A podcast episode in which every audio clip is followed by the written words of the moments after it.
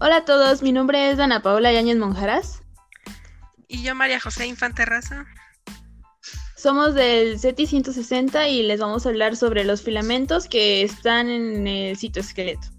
Eh, los filamentos intermedios son componentes del que están compuestos por monómeros unidos de una proteína llamada actina. Estos, al combinarse, forman una estructura que se asemeja a una doble hélice.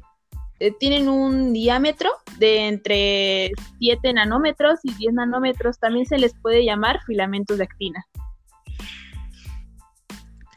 Su importancia es que permite el buen funcionamiento de las células.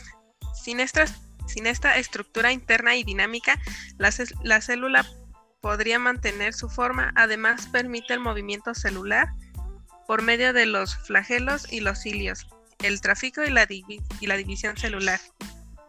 ¿Qué función cumple el citoesqueleto? Una de las funciones es el citoesqueleto se encarga de proporcionar la estructura de las células y sirve como andaminaje para que se pueda fijar.